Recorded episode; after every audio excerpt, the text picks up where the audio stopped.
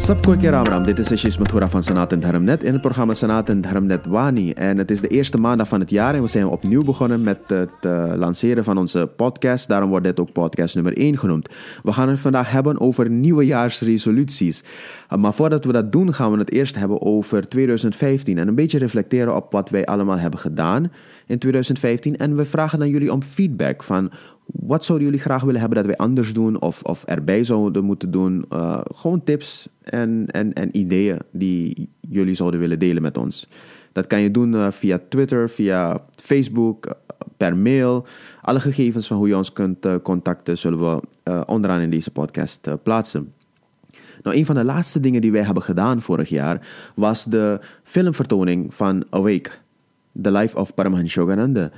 Het is voor het eerst in Nederland dat er een film in de bioscoop werd gedraaid over het leven van een yogi, van een hindoe geleerde. En uh, ja, met, met, met heel veel plezier, met heel veel vreugde hebben wij dat kunnen doen. Uh, het was een mooi evenement, uh, een uitverkochte zaal. Mensen van alle lagen en alle takken van de maatschappij waren bij elkaar gekomen, ongeacht achtergrond, ras, religie, om te kijken naar wie deze man, wie deze Paramhans Yogananda was. En hoe hij leefde, hoe hij dacht en wat zijn boodschap was naar de mensheid toe. En uh, um, ik ben heel blij om te zeggen dat de mensen die daar waren gekomen, het, het, het was een uitverkochte zaal. Het, het, was bijzonder om te zien hoe de mensen met vreugde, met, met, met, met inspiratie wegliepen van, van de bioscoop. En, en en, hun leven wilden rebooten. Dus uh, alleen maar lof naar mensen als uh, Paramhansa Yogananda die in staat waren in hun leven, maar ook zelfs na de dood zelfs, uh, dat ze in staat waren of zijn om mensen te inspireren. Um, het, zijn dankzij mens, het is dankzij mensen als uh, Yogananda dat, dat wij in het Westen principes als karma, reïncarnatie, uh, kundalini, yoga um, zo makkelijk kunnen bespreken. Zij hebben het bespreekbaar gemaakt. En, en zij, zij kwamen naar Amerika en naar het Westen toen, toen men nog niet eens wist wat het Hindoeïsme was. Toen men niet eens wist wat, wat reïncarnatie of karma was. Dus nu dat wij het makkelijk kunnen bespreken met wie dan ook, ongeacht of die persoon Hindoe is of geen Hindoe is, is dankzij mensen pioniers als Paramahansa Yogananda.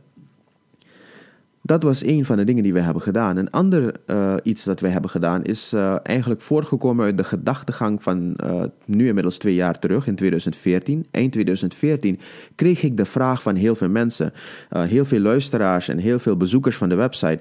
Um, van start alsjeblieft, help ons alsjeblieft tijdens Diwali met, met de Lakshmi Puja. Want heel veel mensen willen niet alleen maar dia's aanmaken, ze willen ook zelf gewoon hun puja thuis doen.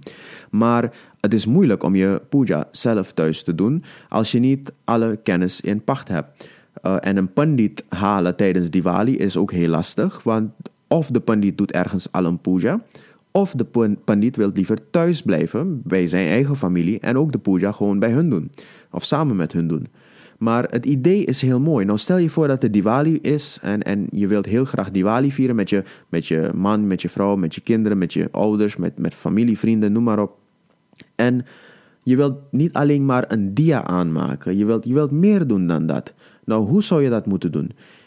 Ik heb hulp uh, ingeschakeld van een aantal pandits die samen met mij uh, een, een pakket hebben opgesteld om uh, een, op een makkelijke manier volgens de geschriften een Diwali puja gewoon te doen, dus een Lakshmi puja thuis te doen, Lakshmi awahan te doen, dus Lakshmi mata op te roepen thuis en, en haar puja te doen en dus prasad ook gewoon te offeren.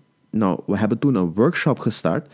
En ik ben heel blij om te zeggen dat de workshop ook helemaal vol was. Uh, eh, 60 mensen, meer dan 60 mensen bijna, waren uh, bij elkaar gekomen om, om meer te leren over Diwali. Wat betekent Diwali? Dus de spirituele achtergrond van Diwali. En daarna ook het praktische. Dus hoe doe je de puja?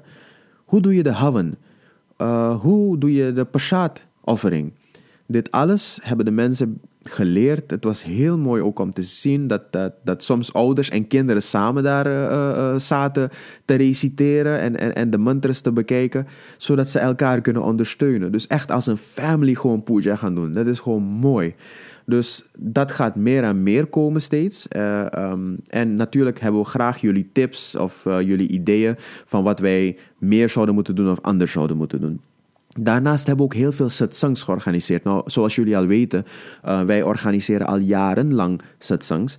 Um, en dit jaar, of nou, nu moet ik zeggen in 2015, vorig jaar, um, hebben wij onderwerpen behandeld zoals euthanasie, ouderschap in een multiculturele samenleving, um, seksualiteit in de Sanat- en Dharma-filosofie. En daaronder valt dan ook homoseksualiteit, dat hebben we ook behandeld. En ook onderwerp, uh, onderwerpen als orgaandonatie. Ik ben heel blij om te zeggen dat uh, deze satsangs ook goed zijn bezocht. Uh, heel veel vragen zijn gekomen vanuit de gemeenschap. Mooie vragen. Vragen waardoor je echt moet nadenken en, en goed moet uh, filosoferen en, en, en de geschriften bestuderen. En daardoor groeien we allemaal. Dus de satsangs gaan door, um, meer onderwerpen, sommige zullen verder uitgediept worden, maar um, stay tuned, want we gaan de onderwerpen nu ook online gewoon plaatsen. Dus de satsangs, samenvattingen, noem maar op van de satsangs, gaan wij ook online gewoon plaatsen voor jullie. En nu gaan we het hebben over de nieuwjaarsresoluties. Nou, heel vaak, heel veel mensen hebben flink genoten uh, uh, vanaf kerst tot en met het uh, einde van het jaar. En hebben dus afgesproken met familie, vrienden, flink gegeten, flink gedronken, genoten van het leven. En dat mag hoor, dat, is prima. Maar heel vaak heeft men in januari dan een slecht gevoel van oké, ik heb een beetje mezelf te veel laten gaan um, en ik zou nu moeten afvallen. Um, dus ze voelen zich niet happy over hoe ze eruit zien of hoe ze zich voelen en, en, en willen dan verandering inbrengen. Sommige mensen zeggen van oké, mijn nieuwjaarsresolutie is um, ik moet stoppen met roken, ik moet stoppen met drinken, ik moet stoppen met lui zijn. Verzin maar wat, vul maar wat daarin. Um, maar wat het ook mogen zijn, heel vaak is het zo dat mensen, als je, als je naar zo'n persoon kijkt in februari of in maart, dan zie je dat die persoon al teruggevallen is in zijn, in zijn oude patroon. En um, de Hindu-filosofie leert ons dat wij heel vaak dat doen omdat wij stappen nemen vanuit een negatief gevoel. Wij zijn ontevreden over onszelf en daarom willen wij afvallen.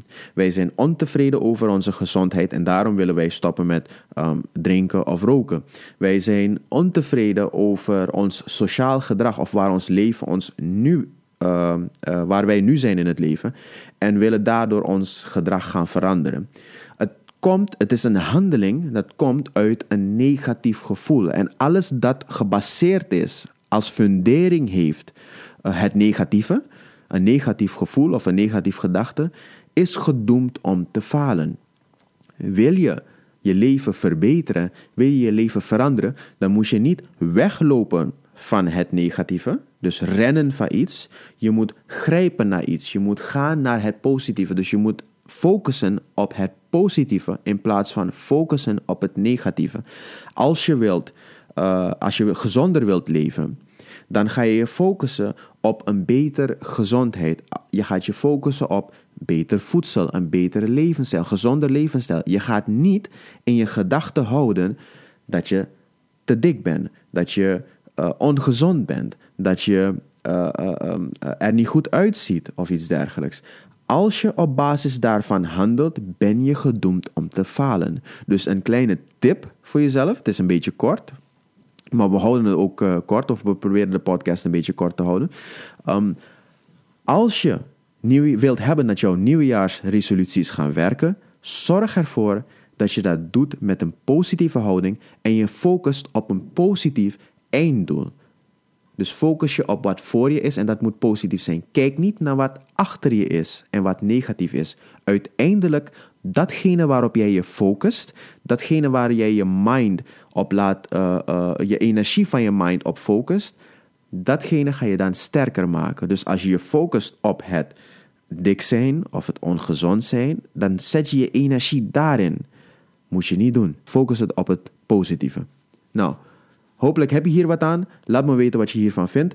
Uh, en geef ons sowieso feedback over uh, wat jij graag zou willen zien. Wat voor programma zou jij graag willen zien in 2016? Wat voor satsang zou je willen zien in 2016?